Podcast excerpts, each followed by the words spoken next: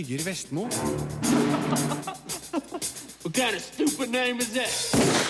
Money Monster er en spennende finansthriller. Outcast sesong 1 byr på dølle demoner. Teenage Mutant Ninja Turtles 2 er fargesprakende action uten innhold. Gode skuespillere kjemper mot klisjeer i det romantiske dramaet Et helt halvt år. Animasjonsfilmen Robinson Crusoe har en svak duft av rett på DVD. A Perfect Day er mørk, sår og morsom om Bosnia-krigens etterdønninger, og sesong to av serien Powers mangler styrke i skuespillet. Vi får også besøk av suksessforfatter Jojo Moyes, som har skrevet både boka og filmmanuset til premieren et helt halvt år. Alt det her i dagens Filmpoliti, som starter med anmeldelse av Money Monster etter Sing Me To Sleep med Alan Walker. Filmpolitiet Filmpolitiet anmelder film. We are live in five minutes. You have the revisions for the We're still making some changes. Am I going to get the changes before the show or You after the the show? drill. You just point the camera my direction. We'll figure it out together. It always sounds so simple and yet so moronic. Regissør Jodie Foster viser seg fra sitt mest kommersielle med thrilleren Money Monster. Men under den strømlinjeforma og veldreide dramatikken stikker det ut en tematikk som er altfor reell for den lille mannen i gata.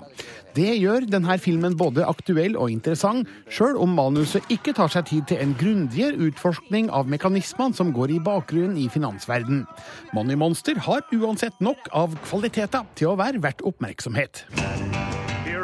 Is, the Wizard of Wall Street himself. The name is Lee Gates. The show is Money Monster. Without risk, there is no reward. Programleder Lee Gates, spilt av George Clooney, og produsent Patty Fenn, spilt av Julia Roberts, underholder sitt publikum med fargerike vurderinger av aksjemarkedet i finans-TV-showet Money Monster. Så blir hele studioet tatt som gissel av Kyle Budwell, spilt av Jack O'Connell, som har tapt alle sparepengene sine etter å ha fulgt et av Lees aksjeråd.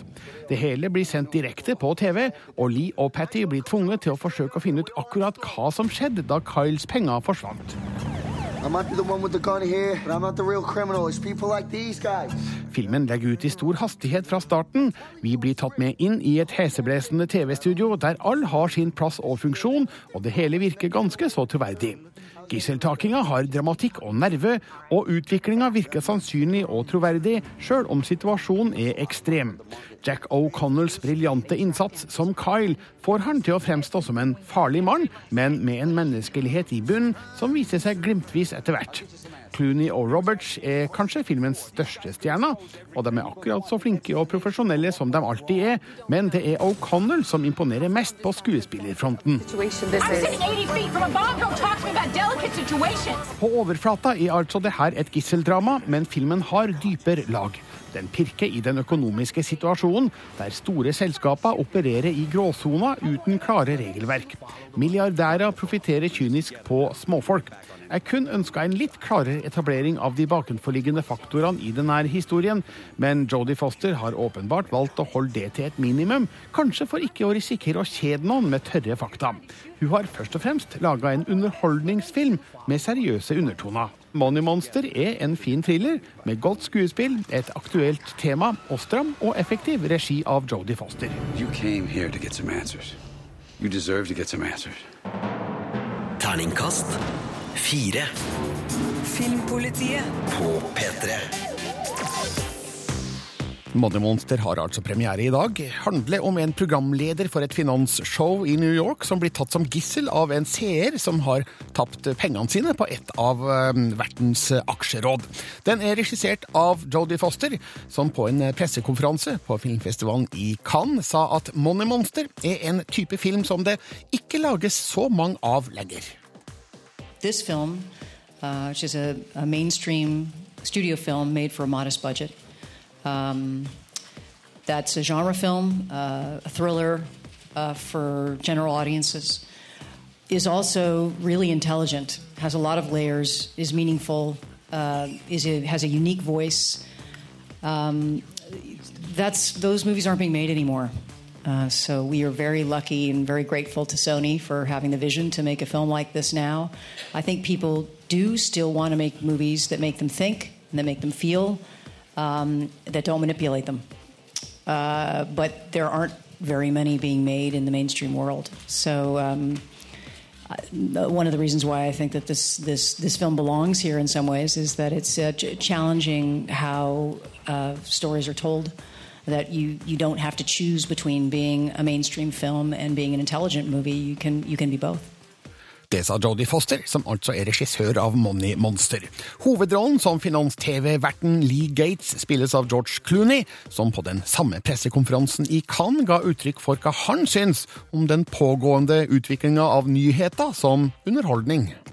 Money Monster plays on uh, and talks about sort uh, uh, evolution of what has become the, the cross between uh, news and entertainment. And I think that that's been a big problem. You know, it, it, just seems like we've now gotten so used to the idea that some schmuck can get up on television and tell you where you put your money. And they do it out of entertainment, and people listen to them and do it and lose things in their real life. I think that this film just reflects where we've actually gotten to in uh, in the combination and the, the, the, the dangerous moment where uh, news stopped being a lost leader, stopped being the idea that you you weren't going to make money on news, you were going to actually at some point just inform people, and then making part of programming and making it make money, and that's a problem. Det sa George Clooney, som spiller hovedrollen i Money Monster. Norgespremiere i dag. Terningkast fire fra meg. Filmpolitiet På P3. På mandag er det premiere på en ny demonserie på Fox. Den heter Outcast, er basert på Robert Kirkmans tegneserie med samme navn, og Sigurd Vik har sett de fire første episodene. Filmpolitiet anmelder TV-serie. Thought I'd seen the worst suffering a man could imagine, but I've never seen anything like that before. Outcast er skapt av Robert Kirkman, mannen bak The Walking Dead, og både premisset og pilotepisoden er ganske så fengende. I know you, Outcast. En rufsete prest er på demonjakt i en liten amerikansk småby. Med på laget får denne korsbæreren hjelp av en ung mann ved navn Kyle, som har ei fortid full av besatte familiemedlemmer, samt noen helt unike evner som gjør livet surt for de her helvetes demonplageåndene. Første episode starter med en smart etableringshistorie som låner frekt fra sjangermesterverket Eksorsisten fra 1973. Den er raus med kroppsvæsker, passe guffen og rik på mørke hemmeligheter fra fortida. Men i de neste episodene så går temperaturen ned. Outcast blir en ganske så kjedelig okkultserie. Demonene er pregløse, smaken av småby-americana ebber ut, og dialogen er klønete forklarende. Og etter fire episoder så opplever jeg at både estetikk, humør og hovedroller har smelta sammen i en seig og ganske grå strøm av ting som jeg har sett blitt gjort bedre før. Something's going on in this town. Det inkluderer demonene, som er ganske døll i Outcast. Tradisjonen tro så er det her skapninger som har merkelige pupiller og en hang til å knuse ting i zombieaktige raserianfall. De kan selvfølgelig sveve øh, når de må, og forlate kroppen gjennom å tråkke knallhardt på verten sin oppkastrefleks. I seg sjøl helt greie egenskaper når du er demon, men jeg skulle gjerne sett at de her skapningene kunne ha skapt litt uhygge. Det blir nemlig aldri særlig skummelt eller veldig spennende i Outcast. Og det er nesten godt gjort, for her er det mye som ligger til rette for god og smart ondskap. Estetikken er treffende for universet. Her er det skygger med plass til masse faenskap, og en gjennomgående visuell stil som legger opp til en stemningsintens serie. Men det her uhyggepotensialet hentes ikke ut, og det skal et spenningsflatt manus og noen ganske så trauste hovedrollefigurer få mye av skylda for. Det at Outcast kan skrive 'fra serieskaperen av Walking Dead' på plakaten, vil naturligvis gjøre at mange er nysgjerrig på denne serien, men etter fire episoder er det her en skuffelse, både når det gjelder grøss og godt drama. Terningkast tre. Les mer om film, spill og serier på p3.no Filmpolitiet. Filmpolitiet anmelder film. I've never seen anything like this before. Guys, I got a lead on what's going on. Skilpaddene fra 1980-tallet er tilbake i nok en film. En oppfølger til rebooten fra 2014. Teenage Mutant Ninja Turtles 2 fokuserer på fargesprakende tegneserieaction, der grønt ser ut til å være favorittfargen.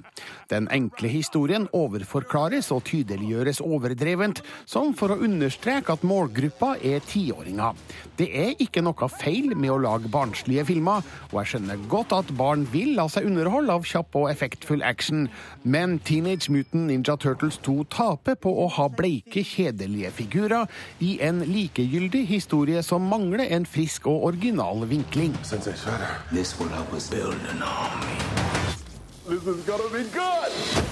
Skilpaddene Leonardo, Donatello, Rafael og Michelangelo må igjen kjempe mot sin nemesis Shredder, spilt av Brian T.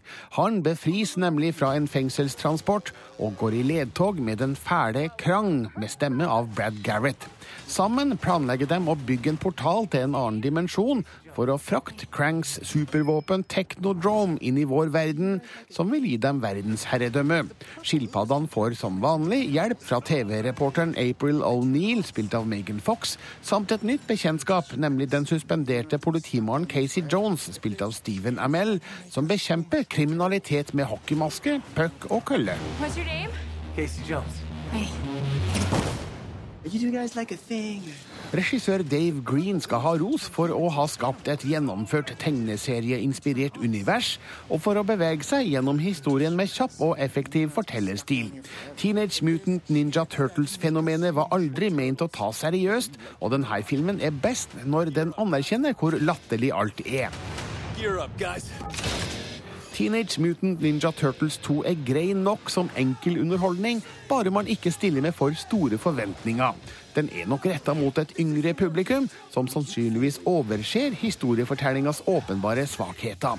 Kanskje er det overdrevent strengt å kreve en god historie med sterke figurer i en Teenage Mutant Ninja Turtles-film, men det er nettopp det de aller beste superheltfilmene må ha for å hevde seg i toppen. Konkurransen i dette segmentet er hard, og der greier ikke de her skilpaddene å hevde seg godt nok. Yes, yes, yes, yes! Terningkast tre. Dette er Filmpolitiet. Filmpolitiet På P3. Nå har jeg samla Filmpolitiredaksjonen. eh, Sigurd Vik her i studio i Trondheim. Og eh, Nei, du må si det en gang til. Hallo! Der var du, vet du.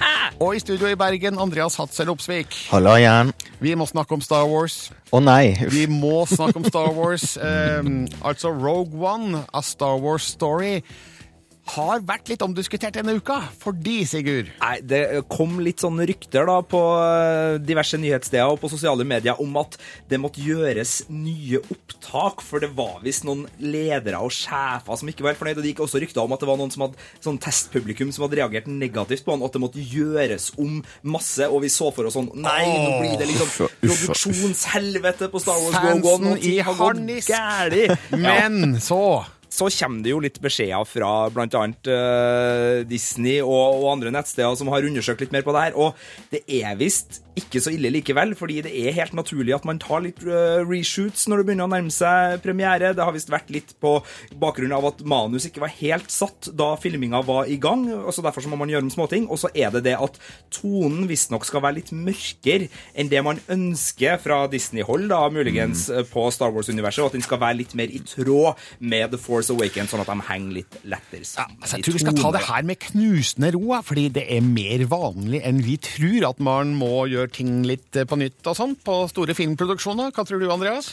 Nei, eh, det er nok eh, ganske naturlig at eh, det skjer, men det er jo litt sånn Star Wars følger vi jo litt ekstra med på, så det kan være ting blir blåst opp litt av det. Ja, mulig det. Vi går videre til spillverdenen, for nå begynner E3-premierene å komme. Og vi må først bare si, Andreas, hva er E3 for noe? E3 er verdens største spillmesse, er vel den enkleste måten å si det på. Det I år er det fra 14. til 16. juni, og da begynner jo ting å dukke opp litt sånn etter hvert. Um, en av de siste er blant annet at uh, Watchdogs 2, da Ubisoft sin sånn uh, science fiction-framtid-franchise, er nå blitt bekrefta.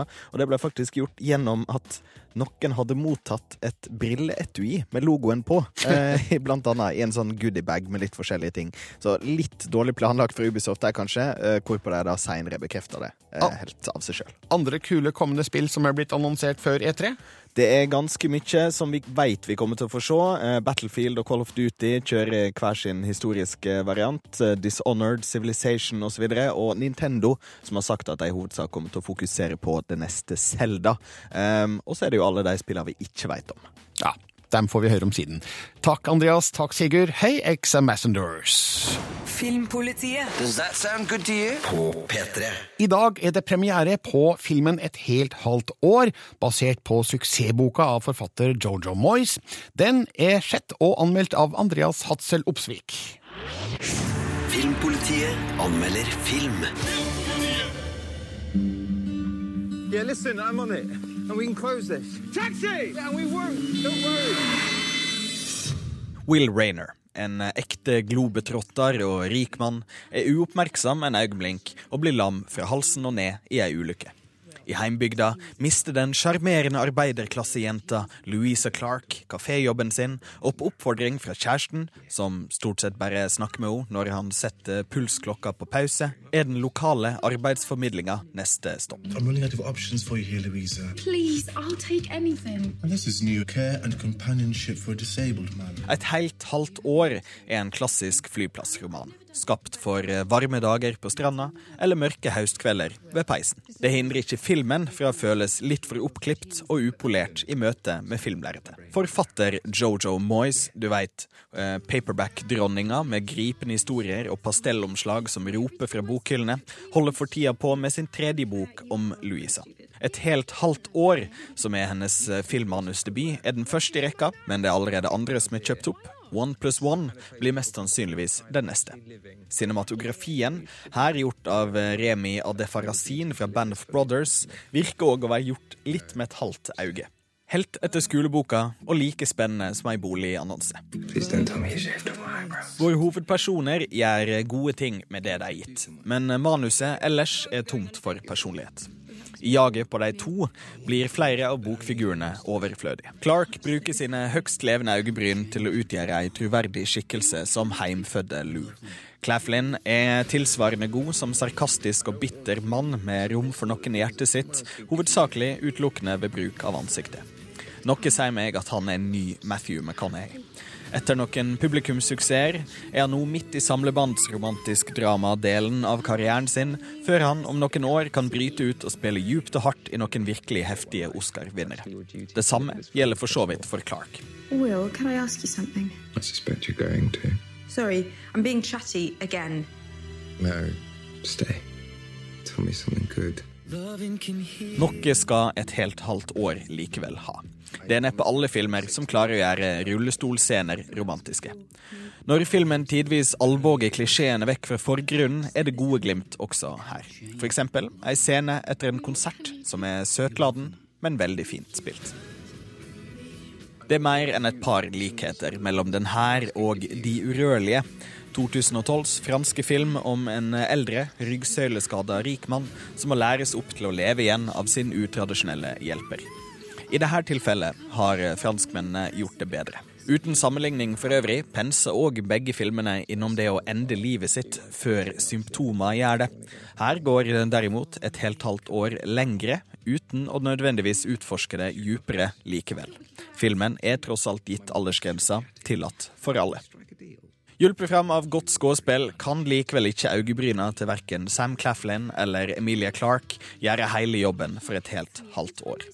Både eksisterende og potensielle Jojo Moyes-fans vil nok finne mye å gripe fatt i her, men filmen dukker for hardt ned i klisjérammeverket sitt til at den klarer å unngå samlebandspreget.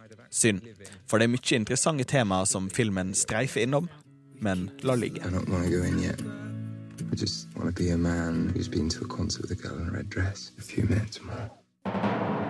terningkast tre. Filmpolitiet. Does that sound good to you? På P3.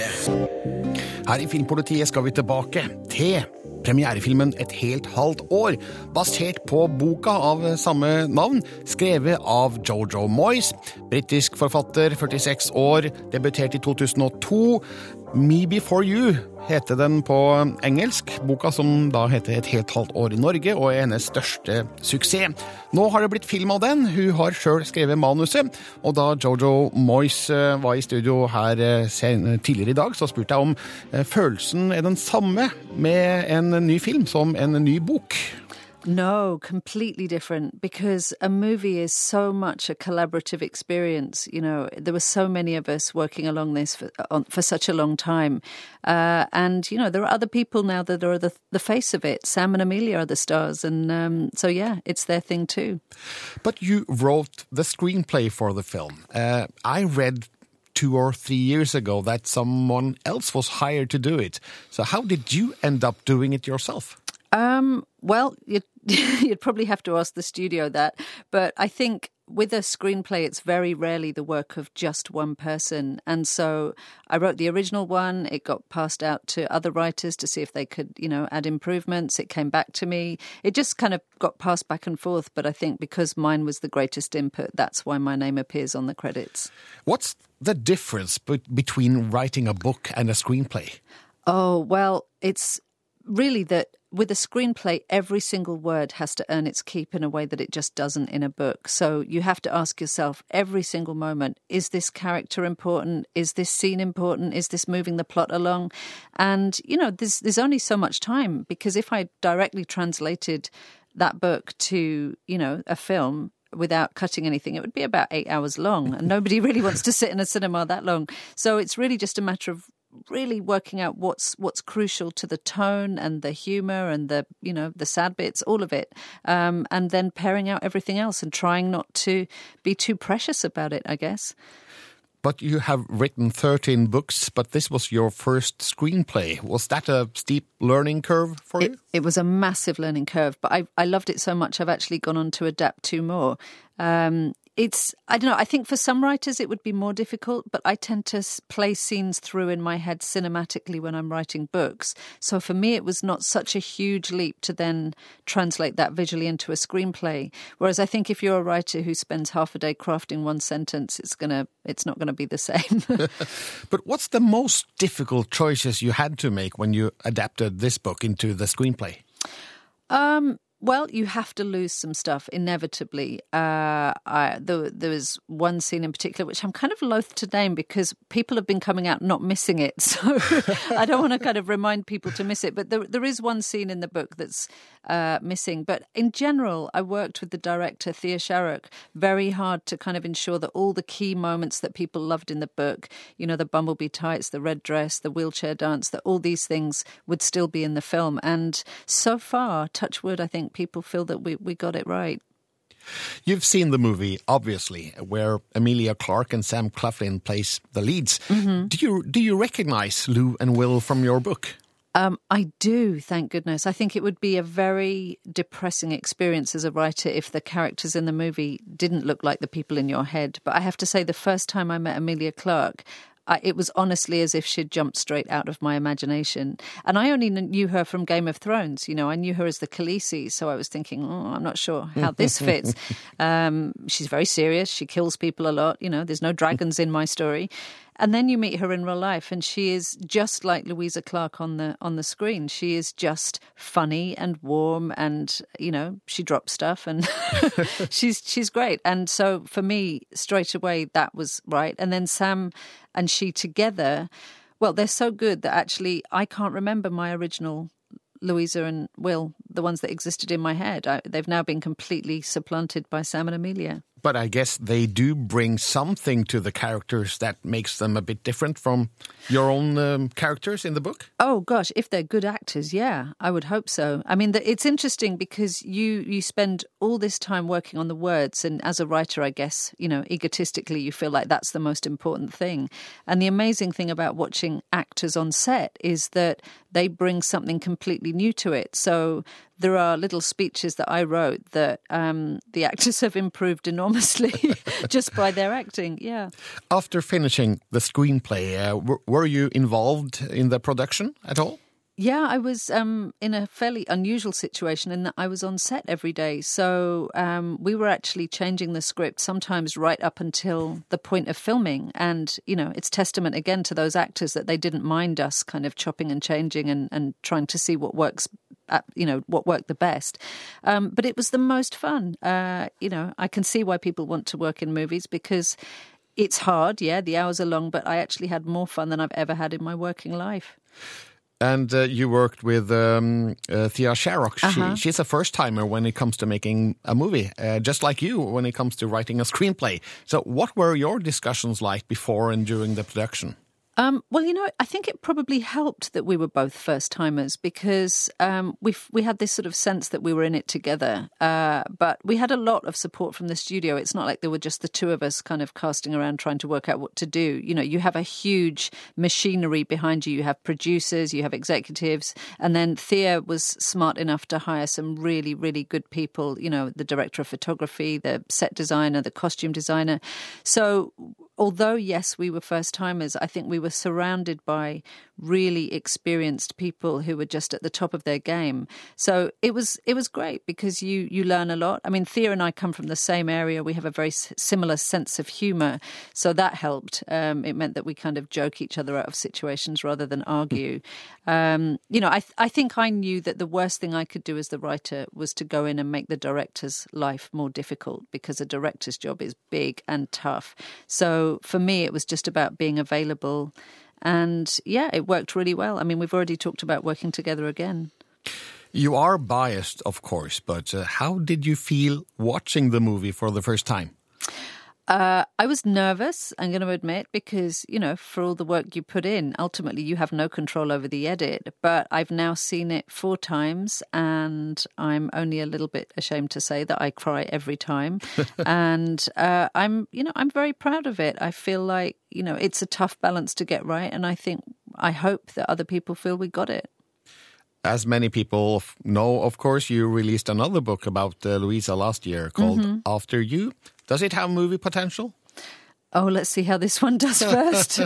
yeah, I think, you know, I, I have another book to write in the meantime, and um, I think we all just want to let the dust settle and, and see if people enjoy this as much as we hope they do. But you mentioned that you are adapting two other books. Yes, uh, I've got another book. Um, I forget the Norwegian title, but in, in England it's called One Plus One.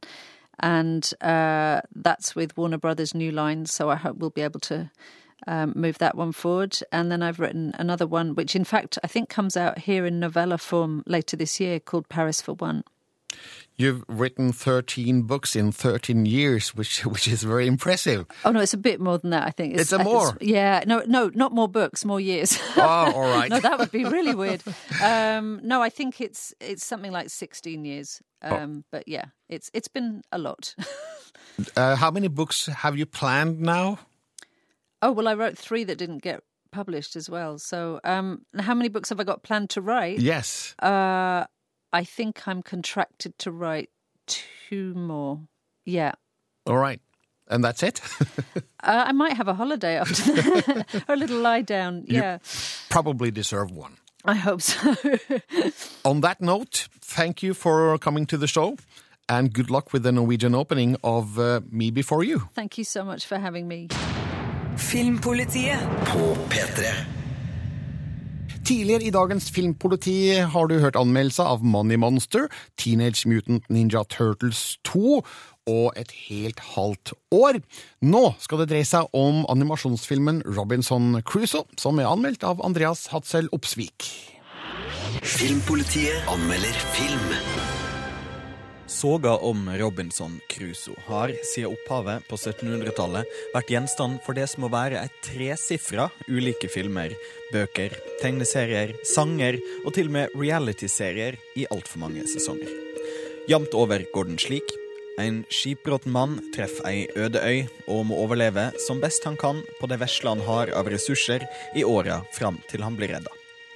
Denne gangen er det derimot ei endring.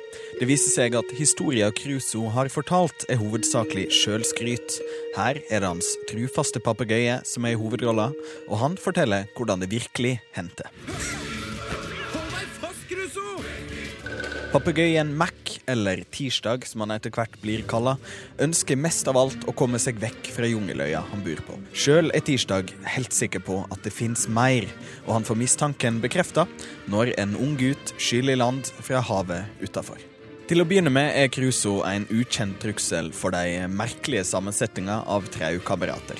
Men de finner snart ut at den rare tobeinte bare vil de vel.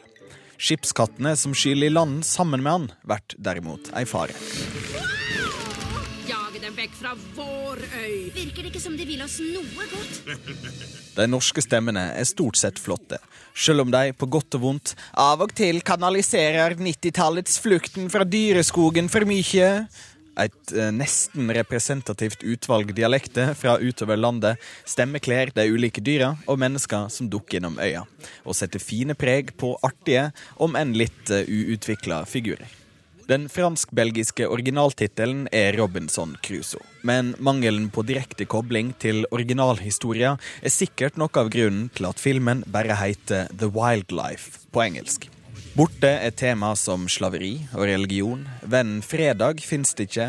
Kannibalene er mest med som myte, og tida Crusoe er på øya, er redusert til tida det tar å vokse seg et dugelig skjegg. Slik sett er det en lite tru adopsjon av opphavsverket. Men er det dermed en dårlig film? I dette tilfellet nja. Det formelsatte 90 minutters manuset er i beste fall middelmådig. Legg handlinga under vann og gi papegøyen navn Ariel, så er du farlig nær den lille havfruen. Bare uten sanger og med mindre sjel. Fine figuranimasjoner styrker de mange fysiske og slapstick-humorbaserte delene av filmen, og miljøskildringene er fargefylte, om enn litt billige. Disse filmene er en etteraping av den amerikanske Pixar og Dreamworks animasjonstradisjon. Til den grad at Crusoe ser ut som dragetreneren Hicken sin 1700-tallsfetter. Takker så meget. Kunne ikke klart det uten dere. Som de tidligere filmene til regissørene har òg Robinson Crusoe ei svak duft av rett på DVD-filmene fra Esso billigkassa over seg. Grei tidtrøyte for kun 49 kroner. Tar hun av seg skinn? Jeg tror jeg kommer til å spy. Terningkast tre. Dette er Filmpolitiet på P3. Det skal anmeldes enda en premierefilm som går på kino fra i dag av. Den heter A Perfect Day. Filmpolitiet anmelder film. Please identify yourself. Aid workers. Absurde etterdønninger etter Balkankrigen på 1990-tallet er et mørkt, sårt og morsomt bakteppe for filmen A Perfect Day, der Benicio del Toro og Tim Robbins spiller to drevne hjelpearbeidere med en stadig mer desillusjonert holdning til arbeidet. Regissør og manusforfatter Fernando León de Aranoa forteller en sort humoristisk historie om avmakt og handlingslammelse i et område herja av krig. Det er en tragikomisk film med satiriske trekk, heva av Del Toro og Robins i gode hovedroller. He's gigantic. We have to get it out and clean the well. Hjelpearbeiderne Mambru, spilt av Benicio del Toro, og Bee, spilt av Tim Robbins, forsøker å få opp et lik fra en brønn et sted på Balkan i 1995. Når tauet ryker, må de ut på leiting etter mer tau, noe som fører dem ut på en odyssé av problematiske situasjoner, sammen med tolken Damir, spilt av Fedja Stukan. Blant annet plukker de opp gutten Nikola, spilt av Eldar Residovic, som blir lova en ball, roter seg bort på minelagte veier, møter bevæpna soldater med uklare intensjoner, og de får følge av analytikeren Katja, spilt av Olga Krylenko, som Mambru har hatt et forhold til.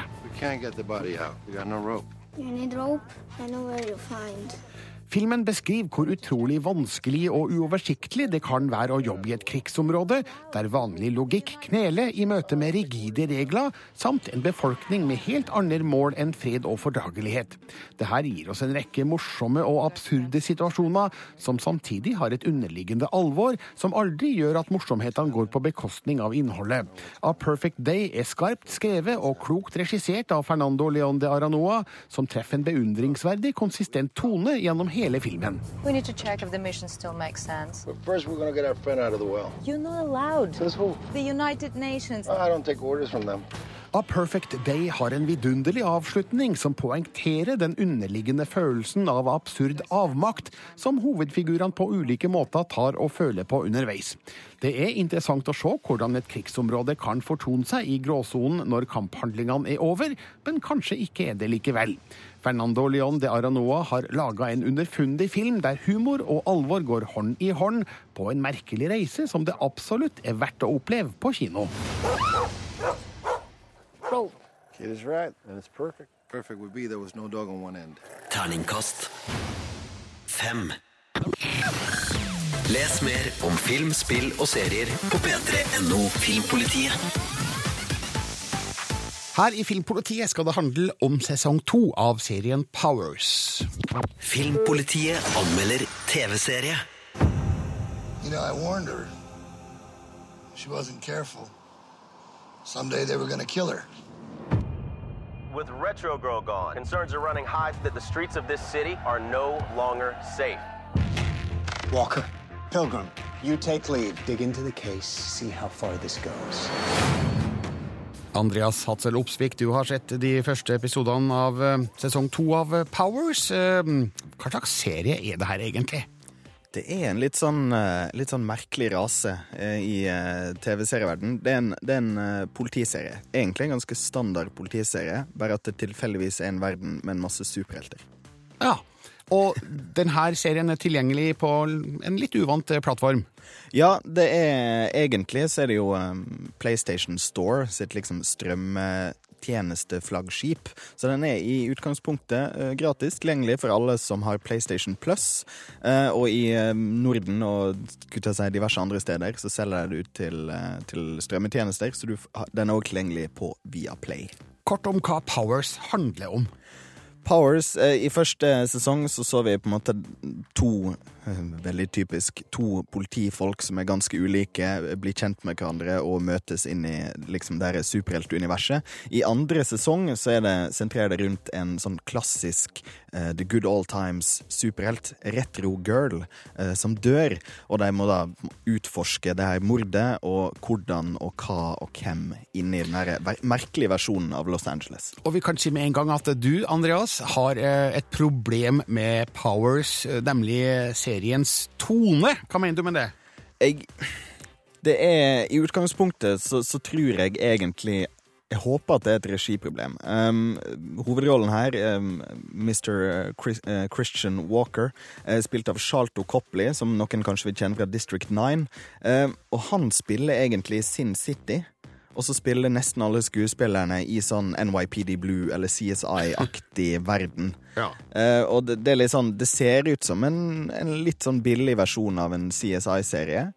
Um, også, men så banner de og knuller som om det var en HBO-serie. Så det er litt sånn art, det, det er nesten litt morsomt, den der toneblandinga der. Eh, men dessverre så, så har de ikke sterke nok skuespillere til å, å på en måte ha pondus bak alle dramatiske situasjonene som dukker opp i serien. Så det her vil si at du omtrent ja, du fraråder folk av å sjekke ut Powers på PlayStation Store? Jeg gjør egentlig det. Jeg, altså, jeg, jeg har litt sansen for universet. Jeg syns det er morsomt med på en måte, superhelter i den vanlige verden. Men når effektene er dårlige og tydeligvis litt sånn raskt sammenklipt På et punkt så bruker de det samme klippet tre ganger på rad og speilvender det den ene gangen for å liksom skjule det. Um, og i tillegg skuespilleren ikke får til det som manuset håper at de skal få til, da, så, så er jeg egentlig ikke så begeistra likevel, altså. Og dermed gir du Andreas Hatzel Opsvik følgende karakter til Powers sesong to. Terningkast to. Filmpolitiet. Does that sound good to you? På P3. P3. They think you're some kind of god. What kind of god would have a pecker that small? Hei, det er Kristoffer Hivju her. Jeg vil bare si at jeg koser meg med Filmpolitiets Game of Thrones-podkast hver uke. Deres dyptpløyende teorier om hva som kommer til å skje, er jo festlig å høre på når jeg vet hva som kommer til å skje. Filmpolitiets Game of Thrones-podkast. Absolutt ikke spoilerfri sone. Ny episode hver uke på p3.no Filmpolitiet. When you play the Game of Thrones, you win or you die.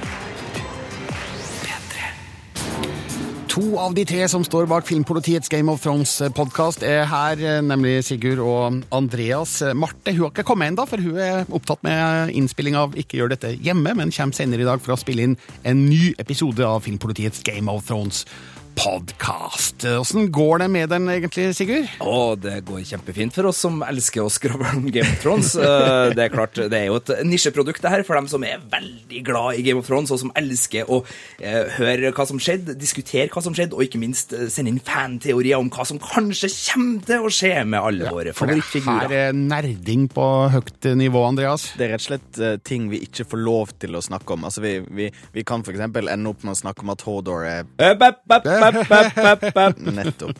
Nettopp. Vi, vi, det er litt dumt å snakke om det på lufta her, så derfor tar vi på en måte absolutt alt. Og vi, vi nerder så djupt vi får til, rett og slett. Ja, altså Og med god hjelp av lytterne, ikke minst. Men eh, nå skal dere spille inn ny podkast eh, i dag. Ja. Eh, årsaken til at det ikke gjøres rett etter episoden, er jo for å la den synke inn. Ja, vi vil La eh, både la synke den inn. Ja, vi vil la den synke inn, og så vil vi liksom uh, få inn fanteoriene, sånn at alle får sett det og tenker sånn, hva skjer videre nå? Uh, hva, la de små grå jobbe. Og så er det jo selvfølgelig også sånn at da får vi også uh, masse fanteorier fra det der internett, for de er ganske stødige leverandører av den slags. Er det mulig å skissere litt og, om hva dere kan tenkes å snakke om i dagens podkast? Ja, Andreas? Altså, vi, vi det, det er jo rett og slett Vi åpner med å snakke så mye vi orker um, om uh, forrige episode. Uten at vi, Jeg vil ikke gå inn på det engang. Nå, nå tør jeg ikke å snakke om det i det hele tatt. Nei, okay. uh, og før vi på en måte etter hvert eh, tar litt um, ulike varianter Vi tar uh, ukas skam. Ja. Eh, Og så ukas- gjetter vi hvem som dør i neste episode. Og så tar vi ukas dragegg, som går til den vi syns er, var kulest, eller gjorde det beste i løpet av episoden. Og så tar vi nettopp inn der fanteoriene uh, fra, og spørsmål fra folk, og uh, diskutere teorier og hva som kan komme til å skje, og hva vi håper kommer til å skje, og nettopp, som, som Sigurd sa, eh, hvem vi tror dør i neste episode. Filmpolitiet. Filmpolitiet. Les mer om film, spill og serier på p3.no Filmpolitiet.